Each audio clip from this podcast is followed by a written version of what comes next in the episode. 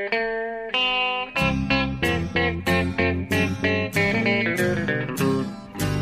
out there, we're on the air. It's hockey night tonight.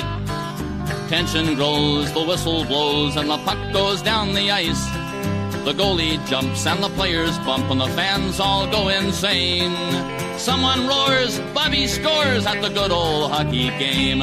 Oh, the good old hockey game is the best game you can name. And the best game you can name is the good old hockey game. Hallå, hallå, hallå, hallå, hallå, hallå, hallå, hallå. Yes, hallå, hallå och välkomna till NHL-podcasten eh, avsnitt nummer 173. Ja. Tror vi att det är i, i ordningen. Mm. Eh, och eh, ja, eh, det är som vanligt Jonathan Ekeliv i Stockholm och eh, jag Per Bjurman i New York. Eh, och det är en, eh, återigen, precis som häromveckan har det tyvärr blivit en eh, late night show av det här. Eh, Ja, faktiskt. för, och som vanligt så beror det på att eh, herr Ekeliv har extremt mycket att göra. Eh, I synnerhet nu när Zlatan är tillbaka in action så Ja, då får ni eh, Sportbladet-redaktörer en del att stå i. Ja, det är oundvikligen så blir det faktiskt då. Det är bara att tillstå. Men det tror jag alla känner till som varit inne på Sportbladet någon gång. Det, det blir så. Ja, Men, är en eh, del Zlatan. Ja, så att det, det, faktum är ju att när vi spelar in det här så är klockan 01.10 precis eh, just nu. Så att eh, det det är ju en fullspäckad NHL-natt den här natten till torsdagen. Så det, vi kommer ju få sitta och live-referera lite grann. Precis som för några veckor sedan. Ja, det är faktiskt så att det är, i och med att det är Thanksgiving imorgon och spelledigt för första gången sedan seriestarten så laddar de på som, som attan eh, ikväll. Det är faktiskt eh, full omgång, så, så mycket full omgång det nu kan bli med 31 lag. Ja, just det. 15 matcher, 30 lag in action. Det är bara St. Louis som inte spelar. Ja, det är så pass alltså.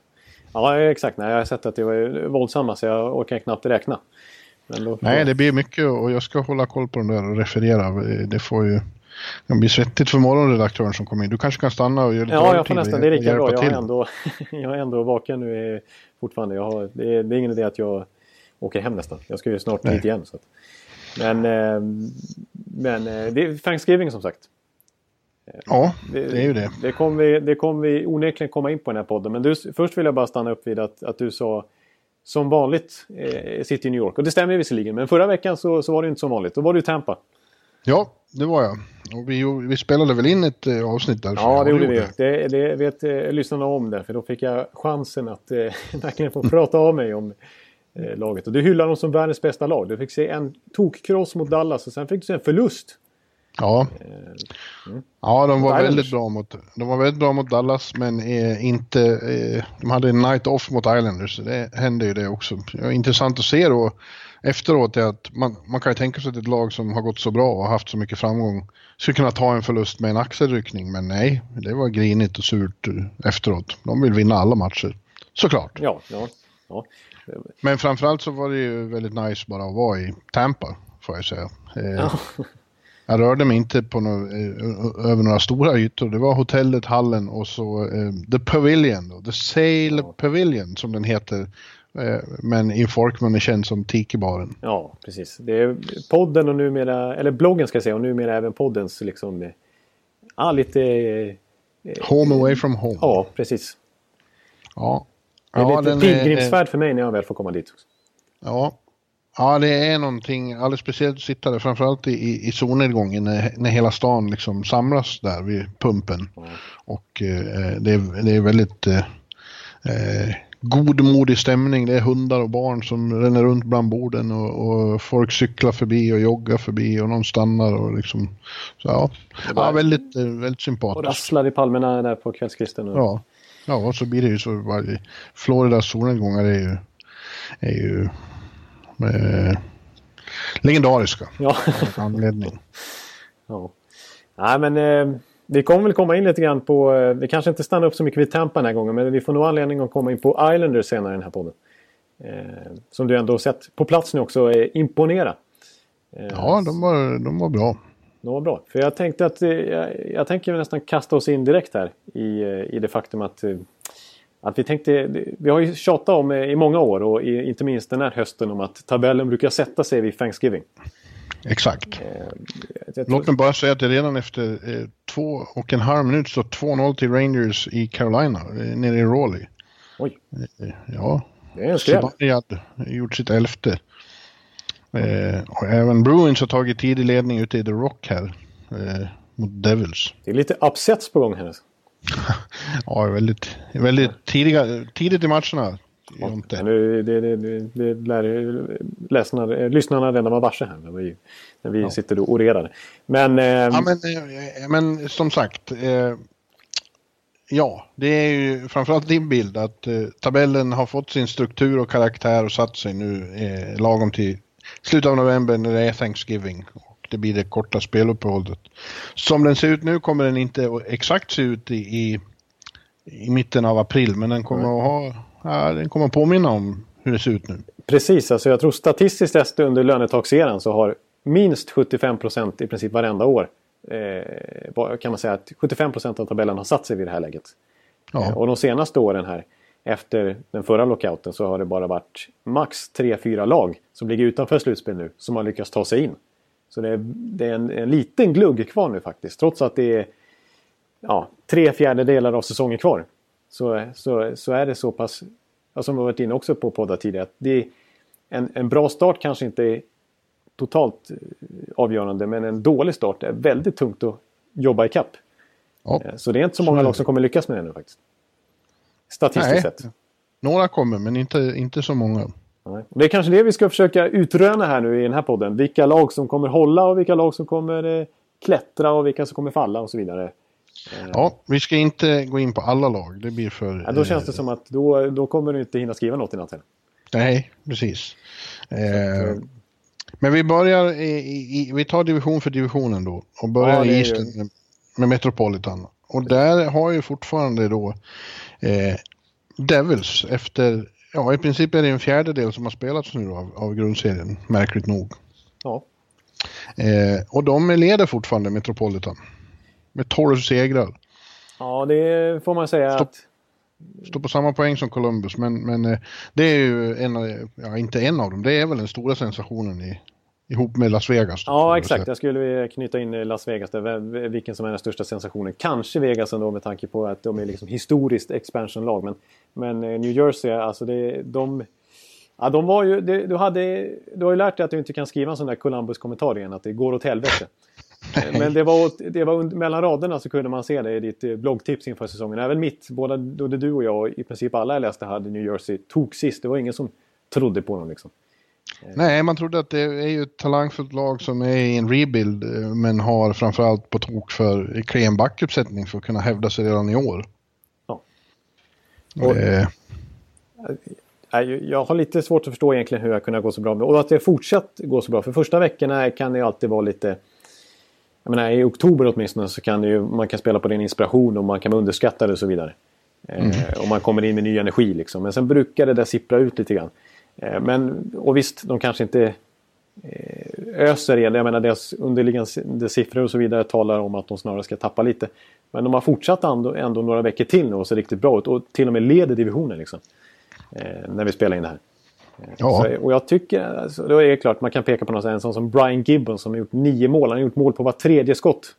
Eh, normalt sett en, en, eh, average för en NHL-spelare gör mål på var tionde skott. Han har gjort mål på var tredje och är en eh, borderline fjärde center inför den här säsongen kan man säga.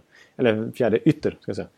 Mm. Så det, det, kommer väl inte hålla i sig. Men, men ändå. Alltså... Nej, men de kommer, jag tror att man kan slå fast vid det här laget att de är mycket bättre än vad vi trodde.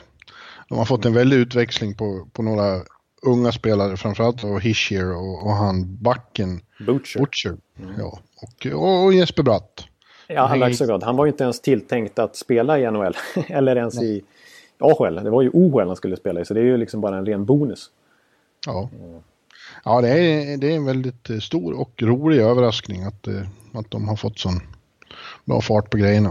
Sen, sen lägger jag in en liten brasklapp till mig själv i och med att vi pratade om Ottawa här för någon podd sedan också det här med underliggande siffror. Som, det, det, där har man ju svårt att förstå riktigt hur Ottawa kan ha gått så långt som till ja, ett mål från Stanley Cup-final förra säsongen. Förutom Erik Karlsson naturligtvis som är en jättedel i ekvationen. Men eh, alltså vissa lag, jag menar, vissa lag har ju bara liksom en, har ju en taktik och ett system som verkligen fungerar. Liksom. Alltså Ottawa till exempel, det är kanske lite liknande med New Jersey också. Att, att de kloggar igen mittzonen, är bra på kontra och tar vara på motståndarens misstag. Man måste inte föra spelet. Utan man kan vara väldigt effektiv ändå. Och lite så kanske med New Jersey med tanke på att deras borta record är, är riktigt bra. Hemmarecord är, är liksom helt okej men framförallt har de varit starka på bortaplan. Och då kanske man inte, det är inte samma kravbild på att föra spelet på bortaplan. Och det kanske passar dem. Med deras rappa unga forwards som sticker iväg liksom. Ja, det är ju framförallt det. De ser, inte, de ser inte ut som New Jersey har gjort genom alla år. De är ju kvicka och snabba de här forwardsarna de har. Totalt ny identitet. Ja, ja det har de. Bra jobbat av eh, coach Heinz får man säga. Ja, han ska ha cred faktiskt. Det får man säga. Men är det något, eh, något annat lag här vi måste stanna, stanna upp i? Nu har Vancouver gjort mål också. Bowser igen. Tionde målet. Borta ja. mot Pittsburgh. Ja, det är starkt. Utmana Keller är ju i allra högsta grad om Caller-racet där alltså. Ja. ja, vi har ju på fjärde plats då så de jag såg i, i, i lördags. Islanders. Ja. För att hålla oss kvar här i, i Metropolitan Area. Ja. Eh, så eh, de ser också väldigt intressanta ut. De var ju jävligt starka där mot Tampa. Det är inte många som kommer till Tampa och vinner. Nej, verkligen inte. Extremt starka i Amalie Arena. Men eh, Islanders var smarta och eh, effektiva och eh, John Tavares var helt eh, enorm emellanåt. Ja. Eh, men det intressanta är ju att de har två, två riktigt eh, vassa kedjor nu. Det har, var ju länge sedan. Det har alltid de senaste åren hängt på Johnny T. Ja.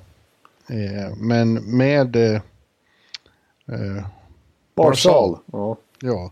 Som eh, rookie-sensation och eh, center i andra kedjan. Ja, apropå Color Trophy-racet då. ja, så, så, eh, så har de två riktigt, riktigt eh, farliga kedjor och är därmed mycket svårare att spela mot. Ja, exakt. Ja, jag håller med helt och hållet. Alltså Barzal ser ju riktigt spännande ut. Alltså jag hade förhoppningar på honom inför den här säsongen. Jag hade naturligtvis Islanders och det var snack i fansledet och inom klubben att man hoppades att han skulle kunna axla den här andra centerrollen redan nu. Men man hade kanske inte så höga krav trots allt för att han fick ju chansen redan förra året. Eh, några matcher. Men de skickade ner honom redan efter 4-5 bara för att de insåg att han var inte alls redo för pro-hockey. Han, det, det, var liksom, även om han hade kunnat vara tillgänglig för AHL då, vilket han inte var. Men då hade han ändå blivit tillbaka skickad till VHL för man kände att han behövde ett år till av seasoning. Liksom. Och mm. växa upp lite grann. Men, nu, nu, men sen så såg man han i JVM till exempel. Extremt så här, finurlig spelare. Eh, alltså supermodern, liksom kvick. Eh, typisk center. Lite som Braden Point tycker jag i Tampa. Om man får göra den kopplingen. Och, ja, som blir så hyllad av alla. Ja, faktiskt. Eh, och liksom... Men, och sen så ett extremt spelsinne då liksom. Som, alltså det var ju någon match som gjorde fem assist till exempel. Eh, ja. Så att, eh, och sen, men en sak som jag vill lyfta fram och trycka på ytterligare angående Islanders, alltså, som jag tror är, är verkligen ett lyft för dem, det är ju att de faktiskt har Doug Waits som coach nu istället för Jack Capuano som de har haft i så många år. Mm. Alltså jag tror ja, ja. Att, att, det betyder väldigt mycket också. Alltså, Doug Waite är en jätteduktig coach. Ja, det, men det, det syntes ju redan när han tog över i fjol att det ja. vart en helt annan... Eh, laget fick en helt annan karaktär. Ja, och de var ju faktiskt bara en poäng från slutspel då. Så han var ju nära att lyfta upp dem där. Mm. Eh, och... Eh, ja, han, alltså, han, redan då så proklamerade han, kommer jag ihåg när han tog över, att han gick fram till att Nick Leddy, det är en grym back. Och han gick fram till Leddy och sa liksom att du måste vara vår bästa back varje match nu. För att jag tycker att du är grym. Och Nick mm. har ju varit riktigt bra här i höst. Alltså det, han, han har inte fått så mycket beröm som jag tycker att han förtjänar. Så att, ja, jag tycker Dog Wait, förutom Tavares och Barzal och så vidare, så, så måste han ytterligare understryka hans betydelse. Så det, det är jag imponerad av. Jack Adams. Ja, nej men han är, han är en väldigt duktig coach i alla fall, det tycker jag. Mm. Men eh, Washington då? Ja, vänta nu. Nu mm. ska vi eh, ta det lilla lugna här, hörru du. eh, ja, vi, ska bara säga om Islanders att de mm. ligger på första eh, wildcard-platsen. Och, och, ja, mitt tips är väl att de kommer att vara där och, och slåss om kanske en av dem då. Wildcard-platsen. Ja, jag, jag, tycker att de är så pass bra att det känns så... Jag menar deras backsida är ju ändå bred och bra. Eh, och både, jag menar, är inte Halak bra så är Grice bra och vice versa. Alltså liksom mm. tillräckligt bra i alla fall. Och sen så nu mm. när de har fått den här bredden framåt så känner jag att ja, jag har dem som ett slutspelslag. Ja. Har du Washington som slutspelslag som du nämnde? De har det besvärligt här. Man trodde att när de eh, efter eh, dåliga matcher på roadtrip var de arga och kom hem och hade fått skäll av trots och vann mot Minnesota. Då tänkte man att nu, nu vänder de på säsongen. Men nej, då kom de hem och fick, var, gjorde matchen efter Minnesota, då var de väldigt slätstrukna igen mot Calgary och fick ganska klart stryk. Ja, exakt. Ja, nej, det... det är något som inte stämmer där. Nej, och, och det börjar ju pratas om att fansen vill ha bort eh, trots. Ja. Eh, inte minst gäller det eh, den eh, legendariske Tadson. Ja, precis. Podd och bloggvän. Ja. Som har eh, gått upp i versalen nu på Twitter. Ja, han vill ha bort trotsen. Ja, Trots allt. Uh. Ja. Nej, men det är alltså. Man förutspådde ju här inför säsongen att det skulle komma ett litet, en liten dipp med tanke på hur deras eh, trupp urholkades på talang på grund av lönetaket. De kunde ju inte behålla massa. De var tvungna att göra några svåra val. Kanske gjorde några fel val, men ändå. Man tyckte ändå att de skulle ha en tillräckligt slagkraftig trupp för att vara ett slutbeslag ännu. Eh, de ligger väl på wildcard-plats innan den här natten i alla fall. Eh, sista wildcard-platsen. Men, men eh, förutom att bredden inte har levererat så har det ju till och med varit ganska tufft för spetsen. Senaste tiden i alla fall. Alltså Niklas Bäckström har till exempel en lång måltorka nu. Han har väl bara gjort fyra assist tror jag de senaste 15 matcherna. Mm. Eh, och Ovi som började med att göra hattrick i varenda period. Ja. Han, han har eh, lugnat ner sig lite nu och likaså Kuznetsov. Eh, och TJ Yoshi tycker jag, det verkar som att han spelar med en handledsskada liksom. För att, så det, det är inte klockrent på han heller liksom. Nej, och eh, ser inte så bra ut på backsidan. Nej, där, där har de ju klenats ut med tanke på Elsner och Chattenkirk och Schmidt inte minst heller som har visat sig hur bra han är i Las Vegas. Ja, ja det hade ju Tadson en lång utläggning om här, hur misshandlad Schmidt vart och hur mycket han saknas. Mm. Nu kör de stenhårt med Orpik igen och det håller inte riktigt. Nej, alltså jag, jag är ju så otroligt förtjust i Schmidt. Alltså jag, tycker, jag tycker Vegas borde använda honom ännu mer. Jag tycker dels är han väldigt spelskicklig och dels är han så otroligt graciös på skridskorna. Alltså. Mm. Ja, det är han och Erik Karlsson och Provorov. är mina favoritskridskoåkare tror jag. Dowdy gillar jag också. När det just kommer till den biten. Ja. Eh, där är, jag tycker Schmidt är på den nivån alltså. Just... De borde, men, men, hur som helst, de borde ju eh, ändå vara med och slåss med slutspel. Det vore ju konstigt annars. Det här är en svacka ja. eh, som de rimligen måste komma ur. Eh, och kanske måste de ha en ny coach. Jag vet inte om han håller på att förlora laget. Men då blir frågan igen, vem ska in istället då? Exakt, precis. Alltså, vem trots... är bra? Ja, det är, ju, det är ju han där uppe i Kanada som går och... Eh, Mr. Eh, som var i Kings, vad heter han? Sutter. Ja, du tänker på Daryl Sutter. Ja, just det. Ja. Ja, precis. Och så eh, Dave Tippett kanske. Ja, ja, det är i och för sig ett intressant namn också.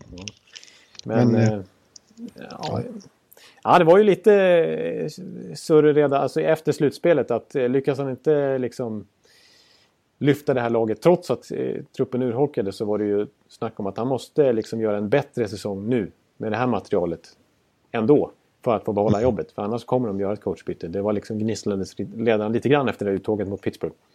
De... Ja, det var ju ett kraftigt misslyckande när de hade sitt bästa lag kanske någonsin på pappret. Ja, alltså jag har ju kallat det för, nu kanske jag överdriver för att det, några Stanley Cup-vinnande lag har ju varit bättre och bevisligen var ju Pittsburgh bättre men på pappret kändes det som det kanske absolut maximalt bra laget under, löne, under hela lönetagseran. Det går ja. nästan inte att ha så mycket, alltså så många bra spelare egentligen. Och Nej. det visade sig på sommaren då att de var tvungna att offra så många. Det var liksom gränsen av hur mycket kvalitet man kan trycka in. Under, liksom, i, under begränsningarna. Liksom. Ja. Men eh, nej, så att... Nej, men jag, jag tror ändå att Washington kommer eh, ta en, åtminstone en wildcard-plats. Men jag tycker typ Islanders är mer intressanta. Kanske till och med ut, även på sikt alltså, i den här säsongen. Jag vet inte. Ja, intressant. Eh, ja. Jag tycker Carolina som ligger bakom Washington. Vi ska inte gå in på alla lag här, det hinner vi inte. Nej, det blir det för långt. Men Carolina vill jag bara nämna för att jag tycker att de eh, har börjat leva upp. Det börjar ju lite skakigt, men jag tycker de har börjat leva upp till förväntningarna nu. Det har ju många som har hoppats att de ska bryta sin, sin långa, långa eh, slutspelstorka. Ja. Eh, och att de har potential för det med all sin unga talang. Mm. Och på slutet har de sett riktigt vassa ut och framförallt är det ju fin finländska duon eh, Aho och Terveinen har ja. ju blivit rena, rena eh, ett grymt radarpar där Kutjov Stamkos, Sports Tarasenko ja. ja. Nej men eh, nej, de, eh, Terveinen gjorde han 10 poäng förra veckan bara. Ja, det är helt otroligt. Ja. Och det har man ju väntat på lite grann att, att eh, åtminstone någon av dem där, jag menar jag räknar in honom till Lindholm och Rask och, och övriga unga talanger de har där liksom. Man har ju väntat, det var lite som jag sa inför säsongen att jag var lite, trots att, trots att man är så spänd, var så spänd och liksom såg så positivt på Carolina så var jag lite rädd för att, att, att ingen skulle ta det här nästa kliv. För de har trampat lite i tre, två, tre år nu de här gubbarna som jag nämnde, även Terravinen på liksom 40-50 poäng och inte tagit nästa steg att komma, liksom, kunna, leva, kunna gå upp till en poäng per match. Liksom ha mm. liksom en go-to-kedja. Eh, men, och nu ska vi inte dra för stora växlar av, av vad de presterat på senare tid, men ändå. Det, det har sett väldigt positivt ut och Aho framförallt har ju potential tror jag att bli en, rikt, en riktig stjärna. Liksom. Ja. Att, eh, så att, ja. Absolut, Han är, honom gillar jag väldigt mycket. Ja, ja så att, äh, där har jag en till. Jag tippar ju dem att de skulle ta sig till slutspel i år. Och jag, jag håller fast vid det, att de, de, har, de har möjlighet till det. Ja, jag tycker Scott Darling har börjat se lite bättre ut. Finna sig till rätta där nere i mm. Raleigh också. Så det, det är ju väldigt positivt. Ja. Eh, man får stanna till bara snabbt och konstatera att Viktor Rask var ju faktiskt en healthy scratch här för... Ja, det var lite oväntat. Det var första gången på två år tror jag. Som han... Två säsonger som han... Eh, ja. Han petades helt enkelt. Ja, det är ju lite oväntat med tanke på vid den här tidpunkten förra året så var ju han the guy man pratade lite grann om i... Han fick ju en lysande start hela eh, sluttampen av... Eller liksom ja nu blev det konstigt start och sluttamp, men liksom hela, ja alltså fram till nyårsskiftet helt enkelt. I förra mm. säsongen. Och sen helt plötsligt så vände det för hela, många av de unga spelarna. Men, men, men då såg ju Rask ut att verkligen ta klivet ut som första center i princip i Carolina. Och nu ett år senare så är han petad. Ja. Att, eh... ja, men jag tror att han... Eh, eh, det är nog för att få en reaktion från honom. Se hur han reagerar på det. Ja, precis. Jag tror inte... Ja, exakt. De, de behöver han på isen. Men det är helt enkelt... Det var en liten Klingberg-petning där. Ja, vänta ska vi se om han är med ikväll då. Eh, nu hade Rangers tagit ledning med 3-1 där. Oj. Eh. Det brukar bli så när vi, när, vi, när vi snackar ner något, eller snackar upp eller snackar ner något lag i podden. Då, då vänder det direkt. Till exempel Toronto när de hade massa förluster. Då, då börjar vi tvivla lite. Så svarar de med 5-6 raka segrar. Ja. Nej, han sitter idag med, verkar han som. Sitter, ja. ja, då är det ju en rejäl markering från coach Holl. Bill ja. Peters. Ja, men han får bita ihop och, och ta chansen när han får den igen då. Ja. Jag tycker ett lag till vi skulle kunna eh, stanna till vid eh, i den här divisionen som ligger sist i talande stund. Det är ju Philadelphia. Mm. Eh. Nu har vi nästan gått igenom alla lag i alla fall. Ja, ja nej, men jag tycker Philadelphia. Del, del, vi kan väl bara börja med att konstatera att Radko Gudas fick eh, tio matchers avstängning. Eh, ja. Vissa tyckte ju, eller rätt många tyckte att han skulle få betydligt mer, att det var så pass fult. Det är ju onekligen en återfallsförbrytare denne Godas med skägget. Ja, eh, och det var verkligen inte snyggt. Nej, precis. Det är ju en, eh, en, en, ett, ett yxhugg nästan. Eh, rakt ner i bakhuvudet på Matthew Perreault. Som är helt ja. försvarslös i den här situationen. Eh, jag tycker nog att tio matcher är lite för lite. Speciellt med tanke på hans historik. Ja, ja, kanske. Men det är ändå, det är ändå tio matcher. Det ändå... Ja, det, det, det, ska ju kännas. Men samtidigt, ja, jag vet inte.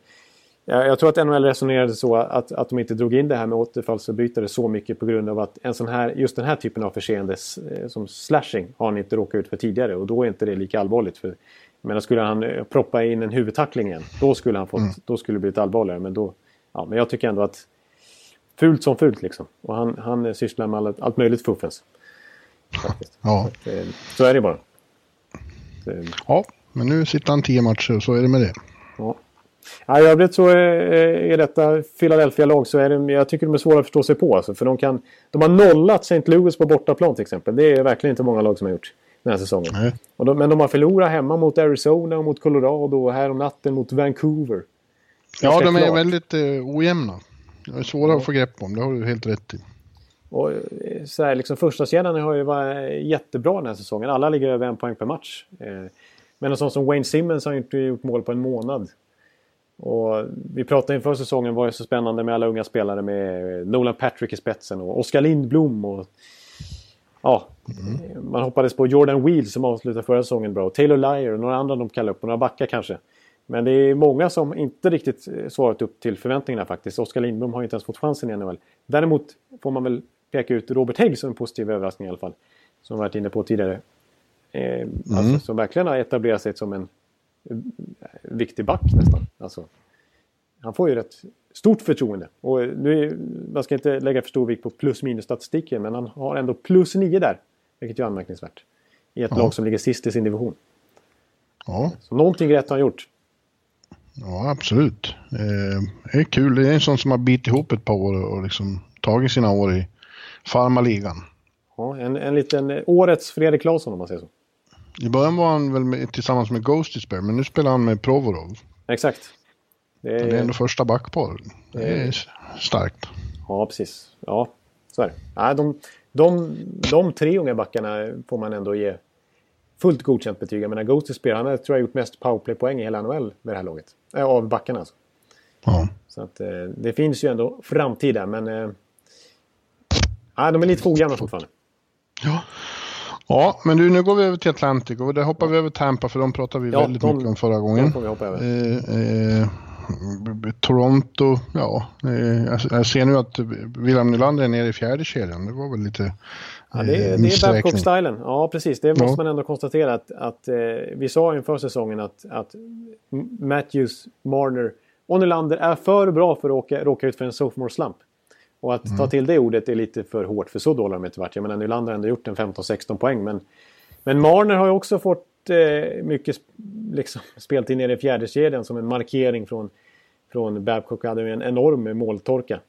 Eh, och, och Nylander har ju faktiskt inte varit den vi såg i VM och som vi trodde skulle ta ytterligare ett kliv den här säsongen. Så har det inte sett ut utan snarare lite tvärtom. Och jag är lite förvånad med tanke på att det är kontraktsår för honom och sådär. Jag tänkte att han kommer vara att han, jag, jag, var säker på att han skulle ta ytterligare, ytterligare ett steg och verkligen etablera sig. Eh, alltså, speciellt när han har Matthew som radarpartner. Liksom. Men det, det, går inte av sig självt. Ibland tar det emot, även för de bästa. Och så blir de att börja grubbla och förlora lite självförtroende. Och, eh, då, kan, då kan det köra ihop sig. Ja. Toronto är ändå bra trots allt får man ju konstatera. Det, de är ju onekligen med i toppen liksom. Och de vann matcher även utan Matthews när han var skadad. Så att... Ja, man är lite bortskämd när man tänker på Toronto och tycker oj, är de inte bättre än så? Men de ligger fan tvåa i Atlantic. Ja, exakt. De är bara fem poäng bakom Tampa Bay. Ja, det är inte, det är inte mindre, eller mer, jag ska säga. Det är, de, de, är, de är bra, Toronto, det är inget snack om saken. Nej. Detroit då? Ja, jag skulle säga det. Ett litet hack ner till Detroit sen, men de är, är ju faktiskt med helt okej okay, med tanke på vad vi trodde om dem. Eh, de har, varit, de har öppnat bättre än väntat. lite, eh, emellanåt kommer de in i svackor när de, eh, man märker hur frustrerade de är och Zetterberg har flera, gått ut, flera gånger gått ut och sagt att vi är helt enkelt inte tillräckligt bra för att vinna. Men eh, de kommer tillbaka och, och vunnit några fina matcher även om de tappade bort det. Ledning med 3-1 i slutet av tredje mot Colorado häromdagen och tappade bort det. Ja. Nej, precis. Men annars får man säga att de har en stark november här. De är typ ja. 6-2-2 i record här senaste 10. Efter att, eh, som du sa, där, i slutet av oktober så hade de ju en förlustsvit på sex matcher. Och sånt där. Uh, nej, nu, här vill jag verkligen säga att uh, vi har ju klagat på den här mellangenerationen. Det är nästan poddlyssnarna trötta på nu. Uh, hur ofta vi har nämnt det. Men nu får man ju säga att den här generationen som kommer under den till och med. Den här med Matha och Larkin och Athanasio och så vidare. Mm. De har ju verkligen tagit klivet i år. För det är inte Henrik Zetterberg för en gångs skull som leder poängligan. Vilket är den som han vann i överlägsen stil förra året internt. Nu är det ju Larkin som leder och det är Manta som är tvåa. Ja. Och Athanasio ja. har kommit in och är nästan en poäng per match. Larkin var ju, hade ju en sophomore slump i fjol ja. eh, efter sin fina genombrottssäsong. Men nu, nu har han eh, tagit sig ur den och eh, liksom etablerat sig på riktigt som NHL-spelare här. Ja, jag imponerade honom. Den här matchen mot Calgary förra veckan. Då, då var han ju... Det var ju, jag tyckte han stod för några av höstens stora prestationer. Han gjorde ett fantastiskt mål shorthanden när han åkte upp och gjorde en toe drag och drog upp den i bortre krysset. Och sen drog han en pass. Short, short-handed. Short-handed va? Larkin. Ja. Larkin. Och sen så, sen så drog han en, eh, en passning till Abdelkader. Nej, till, till, till, till uh, Abdelkader. Som har ett, ett, ett explicit smeknamn i din blogg.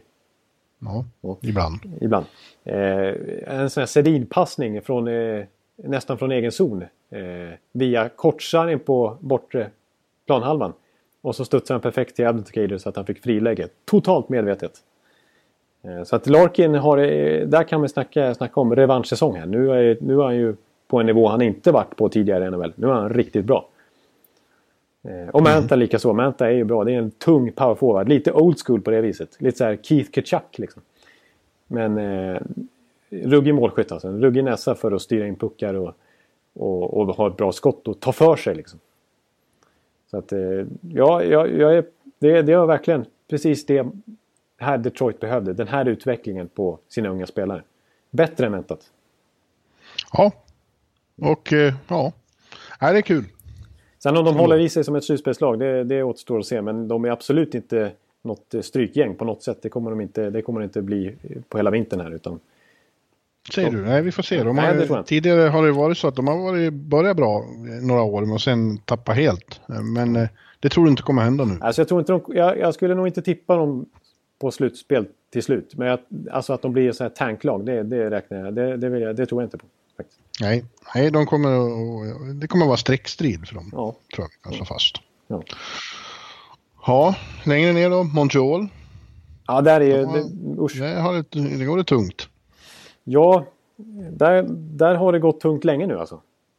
Ja, det känns eh, lite oväntat som att Claude Julien håller på att tappa laget. Han har ju varit väldigt eh, upprörd och besviken och klara, pratat om att det har varit oacceptabla insatser och, och generande att de inte tar i ens.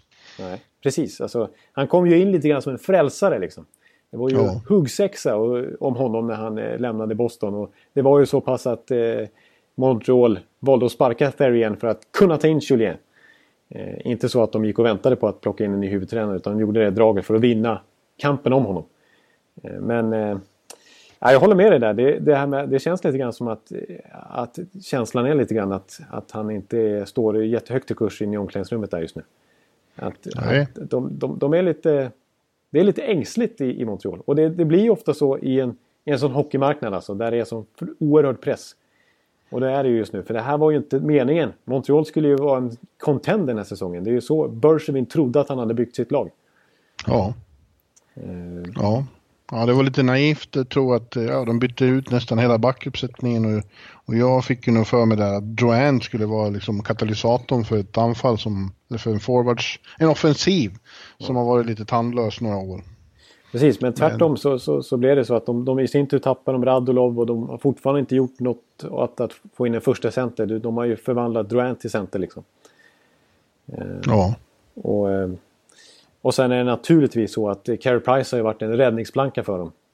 Men nu när han inte varit bra och dessutom varit skadad så, så har de inte den hjälpen heller. Liksom. Nej. Och då, då blir de lite blottade, precis som det såg ut som för två år sedan senast Price var skadad. Så det, det, det, är problem här. Vi har ju varit inne och sågat Bergevin många gånger eh, senaste halvåret. Ja, det, Framförallt det är jag. du som Ja, jag är stenhård mot honom. Ja, det är ju en oerhörd karaktär, så man vill ju ha honom i NHL. Han är ju en underhållande.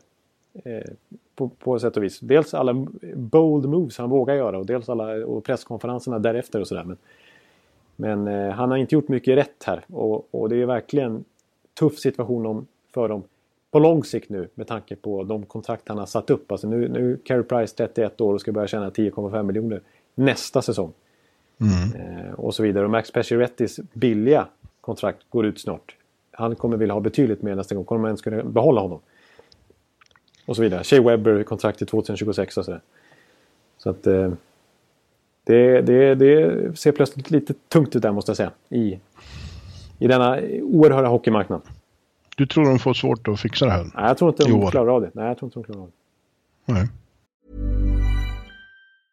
Hey, I'm Ryan Reynolds. Recently, I asked Mint Mobile's legal team if big wireless companies are allowed to raise prices due to inflation. They said yes. And then when I asked if raising prices technically violates those onerous two year contracts, they said, What the f are you talking about, you insane Hollywood ass? So to recap, we're cutting the price of Mint Unlimited from $30 a month to just $15 a month. Give it a try at mintmobile.com slash switch. $45 upfront for three months plus taxes and fees. Promo for new customers for limited time. Unlimited more than 40 gigabytes per month. Slows. Full terms at mintmobile.com. Nej, och lite tungt går även i Buffalo. Eh, I samma division. Ja, De ligger sist nu och eh, det verkar väldigt frustrerat och irriterat runt klubben att det blir eh, det blir aldrig det här. De pratar om efter varje säsong hur de måste göra och måste, det måste svida mer och förlora, måste vara mer arg på att förlora och måste byta inställning och så här. Men det verkar inte riktigt eh, få fäste och Phil House har inte vara någon jättesuccé. nej precis. Det, det är konstigt det här eh, att det verkligen att det lever kvar säsong efter säsong. De får egentligen ändå ge dem att de gjorde en, att de agerade med kraft liksom i, i somras där när de ja, när Eichel dels gick ut så hårt på presskonferens och även O'Reilly skällde ut hela sitt lag. Och, och, och man byter ut general manager, man byter ut coachen. Och man tar in lite nya spelare. Men så är det det här igen och de ligger sist i divisionen. Eh, och det ser inte bra ut. Och, och Housley som ju... Det, det kändes ju som en vettig chans nu. Och nu liksom. ligger de under med 3-1 mot Minnesota på hemmaplan i slutet av första. Ja. Ja, ja du ser. Nej men alltså Housley som ju hade hand om NHLs bästa backuppsättning förra säsongen i Nashville som gick till final. Och Mm. den, på pappret naturligtvis den bästa också. Så det, det, det var ju inget verk av Housley på det viset. Men det kändes ju som en, ett, ett roligt eh, coachval. Eh, och nu ska vi inte döma utan totalt än. Men om man kollar på backsidan så är det fortfarande hönsgård. Och bara en sån här sak. Hur många mål har backarna gjort i Buffalo totalt? De har gjort noll mål. Är det sant? Noll backmål. Så att... Eh, Det, är ju, det, vis- det visste jag inte. Det var ju inte... Det var tungt. ja, då kan man kolla på till exempel Columbus eh, eh, med Urensko och Jones. De har gjort sex mål var. Ja. Så att eh, Buffalo har problem.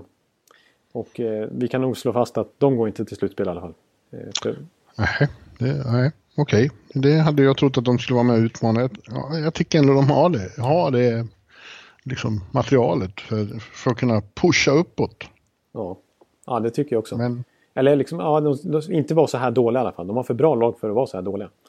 ja, Ja, nu tror jag att det blir en sån här tanksäsong igen och Evander Kane som sitter på utgående kontrakt. Ett av få ljusglimtar. Han har gjort 12 mål. Han är med i toppen av skytteligan.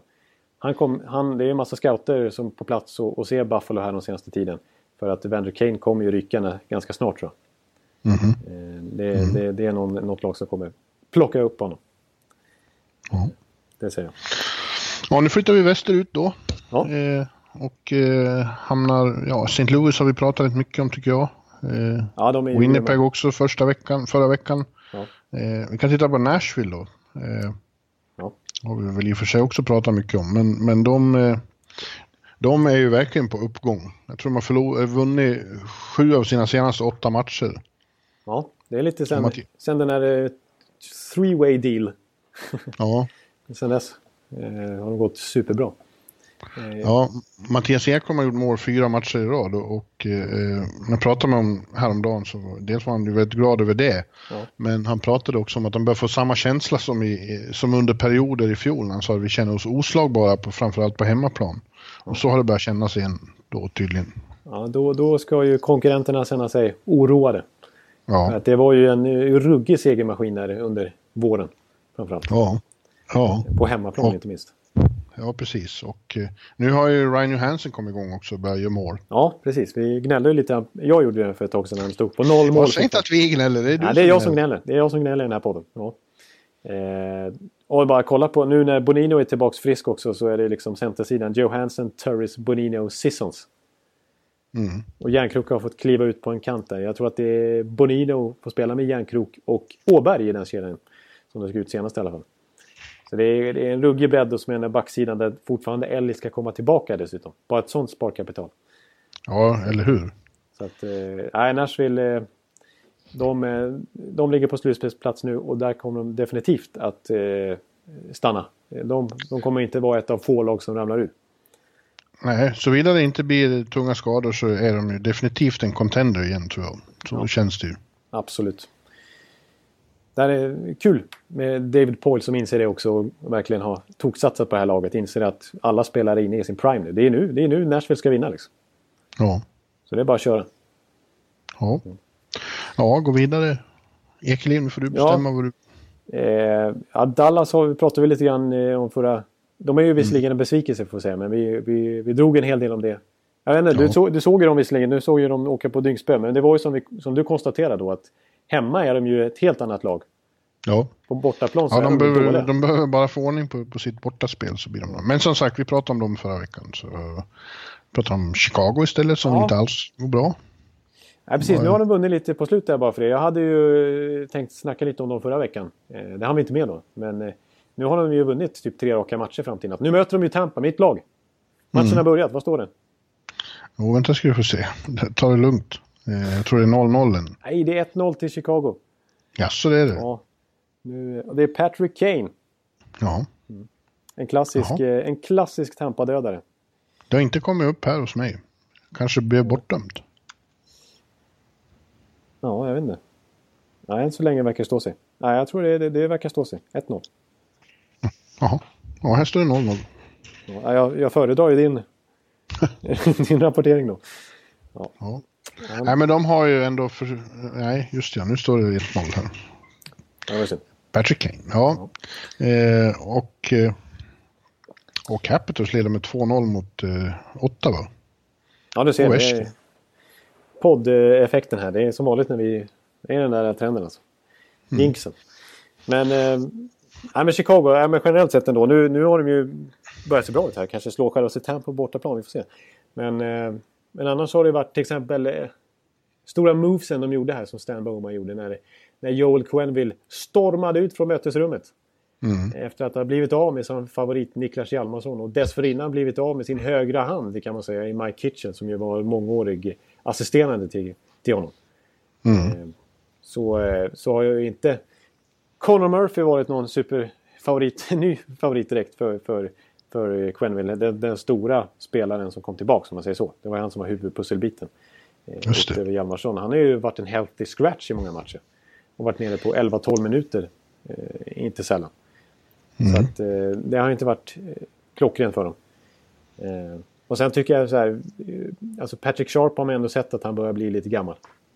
De, kanske att han Ja, kan... det var, men det pratade vi om. Det var liksom konstig nostalgi i det där att försöka använda beståndsdelar som har funger- fungerat så bra förut. Eh, de har haft en tendens att göra så. ja. Ta, ta, ta dit gamla favoriter. Brandon Saab till exempel. Ja, Eh, nu har han visserligen varit helt okej, men fortfarande, jag tror eh, om han inte gör något i natt här så har han faktiskt eh, bara gjort två poäng de senaste 13 matcherna. Så det har inte varit någon supersuccé där heller. Eh, så att eh, movesen, om man bara tittar krasst på de moves som, som, eh, som utlovades inför den här säsongen och som gjordes då av Stan Bowman så har det ingenting varit uppenbart till det positiva. Däremot så har de ju några ljusglimtar då. Alltså en sån som Alex DeBrincat har ju kommit in och, och varit så bra som man hoppades. Ja, men uppe i en 7-8 mål hittills. Och på sikt så har ju verkligen Chicago en riktig sniper av elitklass där. Han kommer göra mycket mål i sin karriär, är ju känslan. Eh, Och sen är det ju fortfarande... Kane är ju bra. Trots att han saknar Panarin nu så ligger han ändå på en poäng per match. Och gör ju viktiga mål titt som tätt. Eh, Jonathan Taves är ju inte den här poängproducenten längre men är fortfarande bra och pålitlig att slänga in naturligtvis. Eh, Seabrook har tappat ytterligare ett skär senare den här, den här hösten. Duncan Keat kanske inte är riktigt lika så dominant som vi är vana vid. Eh, Däremot Corey Crawford har varit grym i kassen och räddat dem i väldigt många matcher. ja. och Gustaf Forsling har varit bra, svenske backen. Ja, faktiskt. Han är ju... Han har ju producerat den här hösten. Ja, Eh, och, ja. och, och fått förtroende. Före en sån som Conor Murphy till exempel som tjänar fyrdubbelt så mycket. ja. Så, att, eh, ja. så det är bra. Och även en, annan, en annan svensk, det här är ju inget svenskt lag längre på samma sätt. Konstaterade vi inför säsongen också. Eh, Kryger bort och Hjalmarsson bort och Rasmussen bort och så vidare. Nere i, ja och då är jag bort. Ja, precis. Nere i AHL har ju, har ju den gamla Mora-tränaren där eh, ett antal svenskar. Men uppe Ja. i NHL så är det ganska tufft. Men en annan svensk som, som faktiskt är uppe i Chicago det är Anton Forsberg. Han har varit helt okej de chanser han har fått. Också visat att han är en duglig backup till Crawford. Mm. Så att jag tycker det, man ska inte bara sitta och såga Chicago. Speciellt inte nu när de har vunnit lite på slutet. Men ja, de här movesen och de här som skulle förbättra dem. Det har, inte, det har vi inte sett eh, röken av tycker jag. Eh, Och de ligger Nej, faktiskt men- utanför slutspel precis när vi spelar in det. Det gör de. Ja, och det blir, kommer att bli en kamp för dem att gå dit. De kanske gör det ändå eh, in the end. Tack Mm. vare sin, sin, sin know-how. Eh, Men eh, det kommer, att, det kommer att vara en kamp för att gå dit. Ja, precis. När man tittar på, speciellt i den här divisionen, Central liksom. Då, det, det, då måste Winnipeg börja falla igenom. Och Mm. Dallas får inte hitta rätt liksom. Så att- Precis, ja, det är ju hårt där. och Minnesota inte minst då, som är, ligger sist. Eh, där har vi ju ett, ett, bra lag på pappret som borde kunna prestera bättre också. Ja. Tycker, Ja. du, ska, tycker du vi ska gå vidare? Eller ska vi säga något mer om Minnesota känner jag nästan? För de har vi glömt bort den här hösten lite grann tycker jag. Ja, jag har, jag har sett påfallande lite av Minnesota så jag har inte så jävla mycket att säga om dem. Nej, alltså jag, jag, jag tycker att de kan ha lite bortförklaring i skador och så här. För det är klart att alla lag eh, drabbas negativt av det. Liksom om man åker ut för några stycken. Och Minnesota är ett av de lagen. Liksom. Jag menar, Paris har varit borta hela hösten. Det, det ser ju väldigt tungt ut långsiktigt. Han sitter och tjänar över 7 miljoner dollar många, många år framöver. Och han har ju otroliga ryggproblem verkar det som. Ja. Eh, och eh, Charlie Coyle har missat i princip hela hösten och Nino Niederreiter missade flera veckor i början och Mikael Granlund har, miss- har kommit tillbaka starkt nu. Även Niederreiter men missade mycket av oktober. Eh, så att det kan man skylla på lite grann. Och sen tycker jag faktiskt att man, man kände att de fortfarande hade ett starkt lag den här säsongen eh, naturligtvis. Men de har ingen... Men de hade ändå lite bättre bredd förra säsongen. Speciellt med tanke på att de inte var eh, inte hade lika mycket skador då. Men då hade de en Pommenville också. De hade en Erik Haula då också. De hade en Marcus Scandella då också. Mm. Så att de har ju faktiskt tunnats ur lite grann. Och man hoppades att en sån som Joel Eriksson Ek skulle eh, kunna axla en, en sån roll utan problem. Och även Luke Kunnin och några andra bra prospects som, som de verkligen har på gång. Men ingen av dem har lyckats ta klivet än så länge. Jag menar, Eriksson Nej, Ek... Eriksson Ek har inte riktigt gjort... eh, Han gjorde mer intryck förra året när han var med. Ja, precis. Det är lite oväntat att han, han, han, han då visar han väldigt lovande tendenser när han fick chansen. Men i år har han ju varit på gränsen till petad ibland. Eh, I alla fall Ja. lite speltid och, och inte tagit chansen riktigt. Eh, så att, så att nej, de har varit lite försvagade faktiskt Minnesota. Och det är inte så konstigt att de ligger där de ligger. Men eh, jag tror ju ändå att, att de kommer vilja blanda sig i där med Chicago i en sträckstid. Eh, De kommer, de kommer inte sluta sist. Jag tror att Colorado som är snäppet före nu blir, blir lag som kommer till, till slut ändå. Även om de har varit en positiv övra, överraskning så här långt. Ja, det är mycket bättre än vad man trodde. Ja. Ja, men du, eh, nu har vi bara eh, Pacific. Pacific, Pacific kvar, ja. Ja. Och där är fortfarande Kings i topp. Ja, Eh, Men de är, det har väl det har hackat lite på slutet. ja, de har bara tre segrar senaste tio och åkt på några stjärnsmällar här mot Vegas som vi kommer att prata om naturligtvis. Eh, De eh, fick ju quick utbyte efter bara 11 minuter här om natten. Mm. Eh, Så att det börjar hacka lite där. Och det förstår jag på Kings för att de överpresterade vill jag ändå påstå här första månaden. Eh, Alltså, Ja, när, när Dustin Brown och sådana var plötsligt ledande i en... Exakt, och Jonathan Quick är ju en ojämn målvakt. Det, det är en bra målvakt, men det är ju en kille som några veckor kan vara bäst i NHL och några veckor kan vara alltså, helt under isen att, att det inte funkar för honom. Han blir utbytt var och varannan natt. Liksom. Det är lite hans grej, liksom. hans trademark. Eh, och nu på slutet har han inte varit klockren. De, var ju liksom, de är ju beroende av, av att deras bärande spelare tok är liksom riktigt bra. Alltså Kopitar, Dowdy, Massin. Och så Brown får väl läggas till där nu också i och med att han var så bra i början. Eh, och det är klart att det märks för dem när Carter är borta också. Eh, men men, men de, de var väldigt bra, men jag är inte förvånad över att de kanske går in i en liten svacka nu. Däremot så... Det så positiva är väl att eh, Kopitar verkar vara sig själv igen. Ja, exakt. Och att... Ja, men det är ju extremt positivt för dem. Det är jätteviktigt med tanke på att de skrev det här kontraktet också. 10 miljoner dollar sitter han och tjänar. Eh, han, han måste vara bra och det har han verkligen varit. Och det var kanske inte så förvånande heller för det är en jättebra spelare, en superledare. Som till och med kunde lyfta ett Slovenien en gång i tiden. Eh, Ta Team Ja. Europe till final i World Cup. Så att, eh, det är ju en, det är inget snack om det. Men, men, och sen, är- jag menar, Adrian Kempe har varit inne på under hösten också. De har haft några unga spelare som har varit, som har, som har varit kanske lite bättre än de hade kunnat hoppas på. Så, att, Ja. så jag, jag tror ändå Kings är ett slutspelslag, men jag, jag tror inte att, eh, att det kanske räcker till divisionsseger till slut. Men eh, jag tror de håll, håller, håller sig på rätt sida strecket i alla fall. Ja. ja, sen har vi Vegas då. Som vi sa, det är väl den stora sensationen då. Intill, eh, ja, som du sa, kanske ännu större sensation än New Jersey eftersom med expansion-lag och ingen trodde att de skulle ha en chans att göra något annat än eh, krydda med, med en ny adress. en ny Nej, precis. spektakulär adress. Ja. Eh, men eh, de fortsätter ju hänga i och framförallt så är de ju jävligt bra på eh, hemmaplan. Ja, de har bara en förlust hittills på hemmaplan. Ja, ja, den såg jag. Det var Detroit Ja, som var just där. ja, precis. Ja, nej, det är... Där får man verkligen vara otroligt imponerad. Och apropå Jack Adams, där så är väl Gerard Gallant en, en lämplig kandidat. Ja. Så som han har lyckats eh, få ihop en struktur där.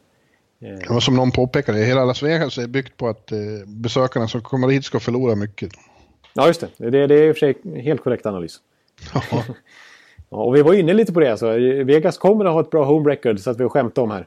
Senaste åren Ja. liksom. När, när motståndarna kommer dit. Det kanske inte bara beror på det då. Men, nej, det tror jag inte. eh, och de, har ju, De är bra. De är bra. Och de har en svensk första center som är väldigt bra. Ja, det är väl den stora eh, individuella överraskningen vad gäller svenska i ligan i år är väl att William Karlsson har tagit för sig och iklätt sig rollen som första center utan problem alls. Det var helt seamless. Nej. Och han är väldigt bra där eh, mellan Marchessault och eh, eh, Riley va? Exakt, precis. Eh, Galants Och- gamla Florida-polare. Ja, och han gör ju mål. Liksom. Ja, det gör han. Jag gör mål i, eh, Nu får vi se här om Forsberg eller Zibanejad. eh, Zibanejad går väl förbi henne nu i, i talande stund när han gjorde mål för Rangers. Men de ligger där kring 10 mål allihopa. Eh, Och, och skuggar varandra i, i liksom... De, det är de tre det står om just nu. Rakell kommer snart blanda sig i där också om, skytteliga segern bland svenskar. Men de sticker ut än så länge. Och jag, jag är jag var ändå lite förvånad över William Karlsson att han har tagit den här rollen och gjort det så bra. För att skulle jag tippat vilken av de svenska spelarna som, skulle, som jag trodde mest på här i Vegas så var det ju Lindberg. Ja, Att, att eh, liksom Rangers var ju väldigt besvikna över att tappa honom och, och, och att man förmodade att han i en top 6-roll skulle kunna kanske få en sån här Karlsson-utveckling. Men istället är det Tortorellas gamla favorit Wild Bill då som har, som har verkligen fått chans. Han, han var ju en, favorit hos Tortorella för att han var en så bra tvåvägsspelare. Att han var väldigt pålitlig i boxplay och i, i egen zon. Men också Mm, kunde chippa, men även kunde chippa in lite offensivt. Men nu när han får chansen av Galant att spela powerplay och, och styr. Jag menar jag har sett matcher när han har styrt deras 5 mot 3. Han är deras go-to guy liksom. Eh, då, då har han visat sig att han, den här gamla poängproducenten i SHL har börjat kika fram också. För i SHL var han ju årets rookie ett år. Eh, när han kom fram där. Och, och, och då såg man ju honom som en offensiv, väldigt skicklig playmaker liksom. Och, och det har han, den, den rollen har han tagit här i Vegas också och gjort det med bravur. ja. Att, eh, så att, ja, vad, vad tror du om Vegas då? Tror du att de kommer vara... ja, du, du kanske inte tror att de kommer vara det här stryklaget som vi sa inför säsongen i alla fall? Nej, det kommer de ju inte. Men eh, ja, det är lätt att säga att jo, men det, de kommer att tappa lite när det blir den här långa grinden. Men det skulle ha skett redan i november tänkte vi. Ja, Eh, Och visserligen fick de stryk några matcher på bortaplan här, men, men eh, de ser ju fortfarande så... Eh, det här, de spelar verkligen som ett kollektiv, Ja. verkligen som laghockey. homogena. Eh, ja, och det verkar ju... eh, Det är svårt att se att de plötsligt skulle, bara skulle tappa allt. Nej, Och nej. nu när de får tillbaks, en och en kommer väl målvakterna tillbaks. Nu är Subban åtminstone eh, så pass att han kan sitta backup. Ja. Eh, och eh, sen kommer väl Flurry och, och Dansk. Ja. Eh, Nej, men det är ju extra imponerande att, att de har lyckats hålla sig flytande i allra högsta grad här. När de har haft Maxim Legacé, deras fjärde val i kassen Ja. under majoriteten av säsongen. ja, ja, det är ju otroligt. Eh, så att, det känns ju konstigt att säga att Vegas ska gå till slutspel redan första säsongen. Men, men eh, upprätthåller de det här eh, så ja, då, då är det inte omöjligt. Det, det, som du säger, de är ju med här vid Thanksgiving, ligger på andra plats i Pacific. Ja, det, det, var det här som var tanken med NHL när de skulle bara slänga in, alltså när de skulle förbättra Vegas chanser i expansionskraften och kunna välja lite bättre spelare än andra expansionslag kunna göra. Mm. De skulle ju kunna vara, tanken var ju från, från Gary Bettmans sida att de skulle kunna vara konkurrenskraftiga och inte att det skulle vara ett stryklag som den nya publiken fick se. Så på det viset har det varit lyckat. Däremot så tror jag ju att eh, McPhee undrar lite hur man ska göra här. För att kollar man på många av kontrakten han välde och han byggde upp, inte minst backsidan, så var ju tanken att här skulle det skeppas iväg spelare. Eh, både inför säsongen och under säsongen. Alltså en sån som James Neal var ju tanken att han skulle man kunna få ett första val vid, vid trade deadline. Och Jonathan Marsh så likaså. Eh, och några till, ganska många UFAs de har. Inte minst på backsidan. Men ligger de på slutspel då kan de ju inte skeppa iväg någon. Liksom. Då, får, då får de ju behålla de här gubbarna. Kanske, ja, kanske nu, nu, är, nu är en sån som James Neal måste trivas så bra där så han kan ju tänka sig att förlänga rent av. Istället. Så att, eh, så att det är Vegas största positiva överraskningen. Och varför inte slutspel? Det är inte omöjligt alltså. Nej, nej det är det inte. Det, det är väl slå fast. Inte. Ja, jag typ, eh, Calgary har vi inte pratat så mycket om heller. Eh, och de ligger precis bakom då. De är väl starkast nu av de västkanadensiska lagen där. Ja. Eh, och ja, det är väl ingen större överraskning. De har ju ett jäkligt bra lag, det har vi konstaterat. Ja, precis. Nej, men så är det ju. De, eh, de har ju en backsida som är eh, nästan Nashville-klass. Ja, exakt. Eh, sen har väl inte Mike Smith och Ed Olek spikat igen kassen utan den har varit lite som förväntat att de blandar och ger. Båda två. Ja, han var väldigt bra mot Washington härom, häromkvällen. Ja. Smith. Ja. ja, det var han ju. Han, helt, generellt sett har han en ganska bra statistik den här säsongen ändå. Eh, och sen får man ju säga nu eh, har ju eh, Johnny Gaudreau verkligen varvat igång. Han har ju helt plötsligt gått och blandat sig i toppen av poängligan här i allra högsta grad. Och faktum är det här. Att, eh, att han, eh, fram till den här natten i alla fall, så är det han. Precis före Conor McDavid som vi också kommer komma in på. Så är det Johnny Gaudreau som har gjort mest, mest eller varit inblandad i mest mål procentuellt sett till sitt lag i hela NHL. Ja. Över 50 procent. Ja, jag, jag, skrev just det i den veckans lista jag upp på eh, bloggen. Det? Att det är lite, un, lite under radarn håller han på att eh, liksom få sin verkliga breakthrough-säsong här. Ja. ja, för när, när vi håller på med våra rankingar av bästa spelarna då hamnar han där kring 20-25. Men snart kanske topp 10 för hans del. Om man ska fortsätta ja. så här liksom. Så att, ja. Han är, han är, det är ju en, ett hockeysnille utöver det vanliga. Det är inget snack om den saken. Eh, och nu, Men det, det är ju lika med dem att de har två väldigt starka kedjor. För den där Kitchak, Backlund, Frolik som ju varit så ja. inövade kedjor de har liksom. Som fungerar. Precis. De, de ju, behöver inte blanda och ge så mycket. Nej, precis. Och Jaromir Jagr har fått eh, lite halvfart på Sam Bennett också. I tredje ja, och, och, en ny liten radarpartner i, i, i Jankowski, rookien. Just det. Som han gjorde väl, ja, han gjorde hattrick häromdagen. Eller åtminstone två mål. Förra veckan någon gång. Ja, och, det... eh, ja, och Jagr, han kan ju en. ja, exakt. Precis, alltså, och det, där tror jag är väldigt positivt. Alltså att när man har sådana här inövade kedjor, när det inte blir det här hafseriet hit och dit. Utan man spelar med samma killar kväll ut och kväll in. Det tror jag är mm. väldigt bra på sikt. Alltså. Och den där andra kedjan som du nämnde, den har gjort det i Ja, den har ju varit en av NHLs bästa shutdown-kedjor nu i två år. Ja. Så att, eh, nej, Calgary slutspelslag, inget snack. Säger jag. Ja. Nej.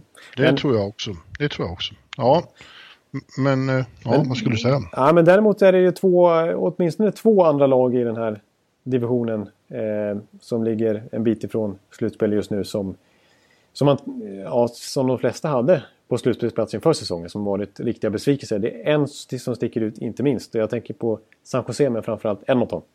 Mm. Ja, Edmonton har ju... San Jose är ändå med liksom. Ja, det. De är inte så långt efter. Ja, de spelar bra också tycker jag stundtals. Visst, sån som Brent Burns har inte ens gjort mål. Nej, det är ju väldigt konstigt. Men eh, Edmonton däremot släpper ju in extremt mycket mål. Ja, det gör de. Och de har ju liksom harkat efter här nu och har plötsligt eh, ja, sju poäng upp till Dallas på sista wildcardplatsen. Och det är ett sånt där glapp som faktiskt kan bli ganska tungt att hämta in när man har hamnat efter i, ja, så här vid Thanksgiving. Ja, exakt. Där, där, där får jag väldigt ännu värre känsla än Montreal där vi pratade om att förlora omklädningsrummet och quit lite grann. Liksom. Mm. Alltså, Mm. Det är känslan kring Edmonton att det, är, det, det, det, börjar, det börjar komma till sätta sig i hjärnan det här som har varit så ofta där borta eh, under det senaste decenniet. Liksom, att vid den här tidpunkten så brukar det vara kört nästan.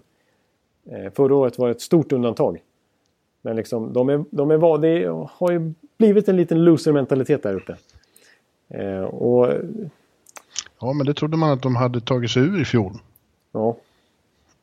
Ja, precis. Och Conor McDavid liksom är ju McJesus. Han är ju otroligt bra. Han är som sagt tvåa efter Mac, eh, när det kommer till hur, hur stor andel av målen han producerar. Men det kanske är en nackdel också.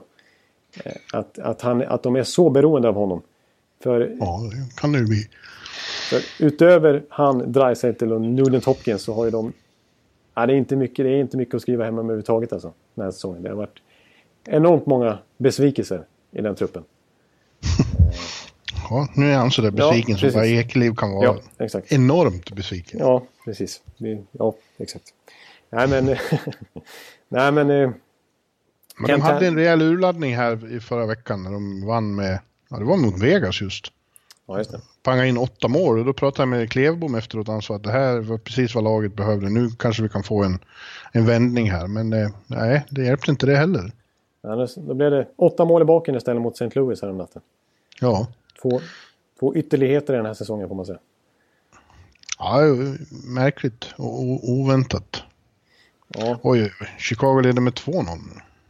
Usch. Kane har gjort ett till. nej. No. Ja, han, är, han är fruktansvärd den här Kane alltså. Han har ju släckt en Stanley Cup-dröm totalt. För eh, två år sedan när jag var på plats. Så jag, det, är, tungt att se alltså. Men... eh, Ja, Men eh, ja, men i, sen alltså Cam Talbot har ju haft en tung höst efter att ha varit en saving grace för dem förra året. ja När, precis. när han stod 72 matcher överlägset mest i hela NHL. Nu har han inte kunnat bära dem på samma sätt. eh, Bära deras, liksom, så att de klarar ja, fixa det så defensiv helt enkelt. Den har blivit lite blottad nu. När Sekera borta dessutom. Men när Klevbom och Larsson inte haft formidabla säsongstart. Det här är ju då en eh, sophomore slump för, för det här unga laget. Så är det bara. Ja. Det, det, det gick... eh, Ja, Klebom var inne på det också, att de är bättre scoutade nu och motståndarna är mer beredda. Förra året var det ingen som... Han sa att efter förra säsongen första gången det har funnits anledning på slutet att ta oss på allvar. Och nu, nu gör motståndarna det och det har gjort det lite svårare för dem. Ja, för det var ju, alltså det är, det är många som har haft någon, till och med Stanley Cup-final som utgångstips. Ja. där. Så det, det, Ja.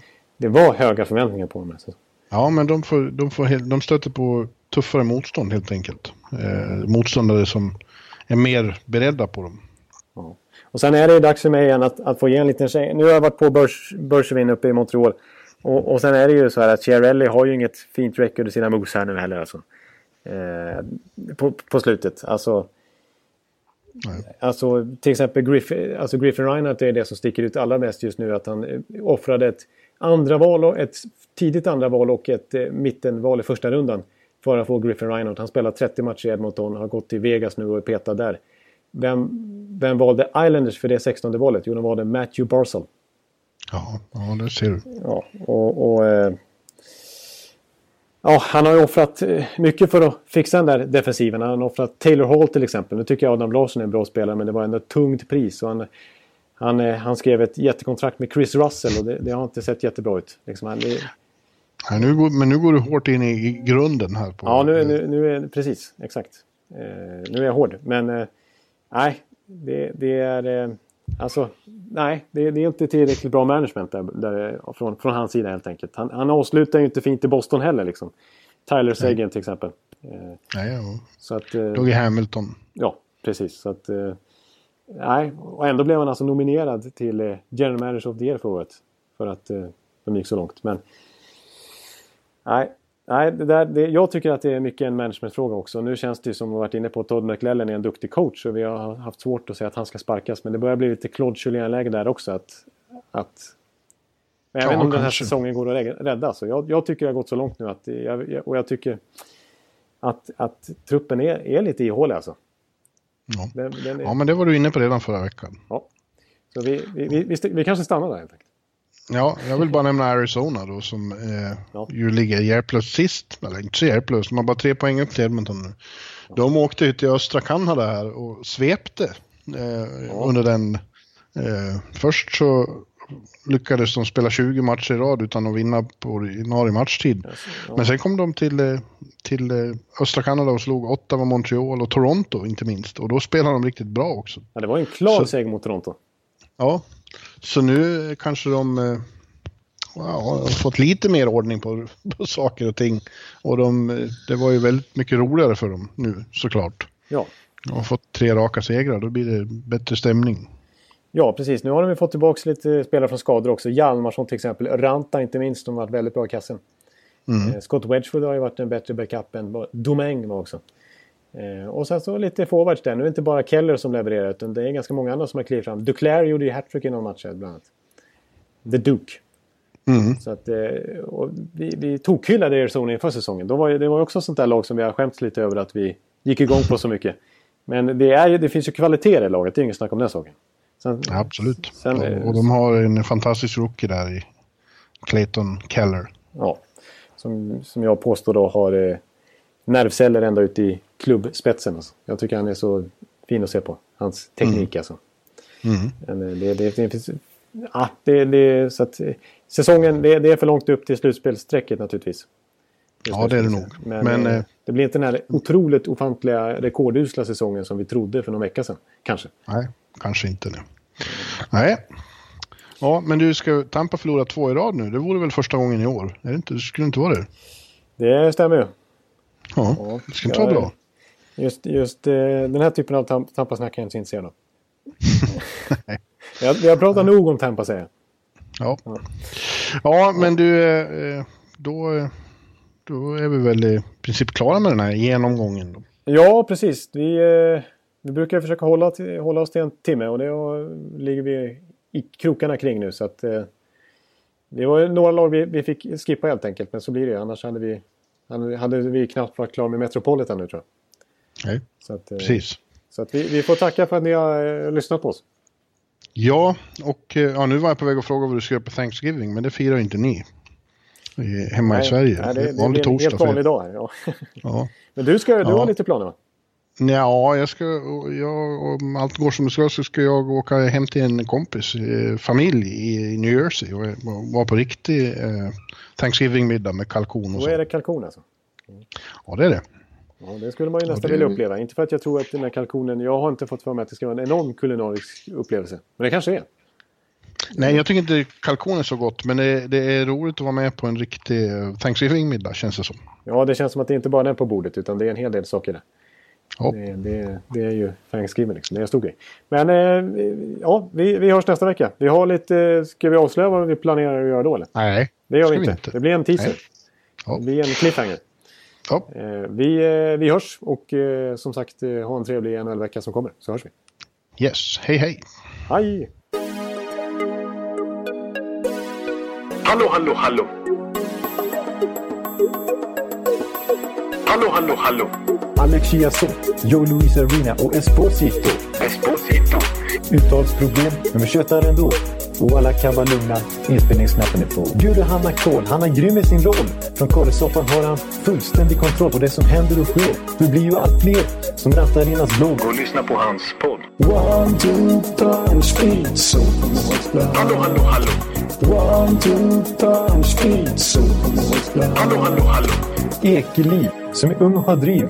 Verkar stor och stark och känns allmänt massiv. Han hejar på Tampa och älskar Hedman. Sjunger som Sinatra. Ja, och där ser man. Nu är det dags för refräng.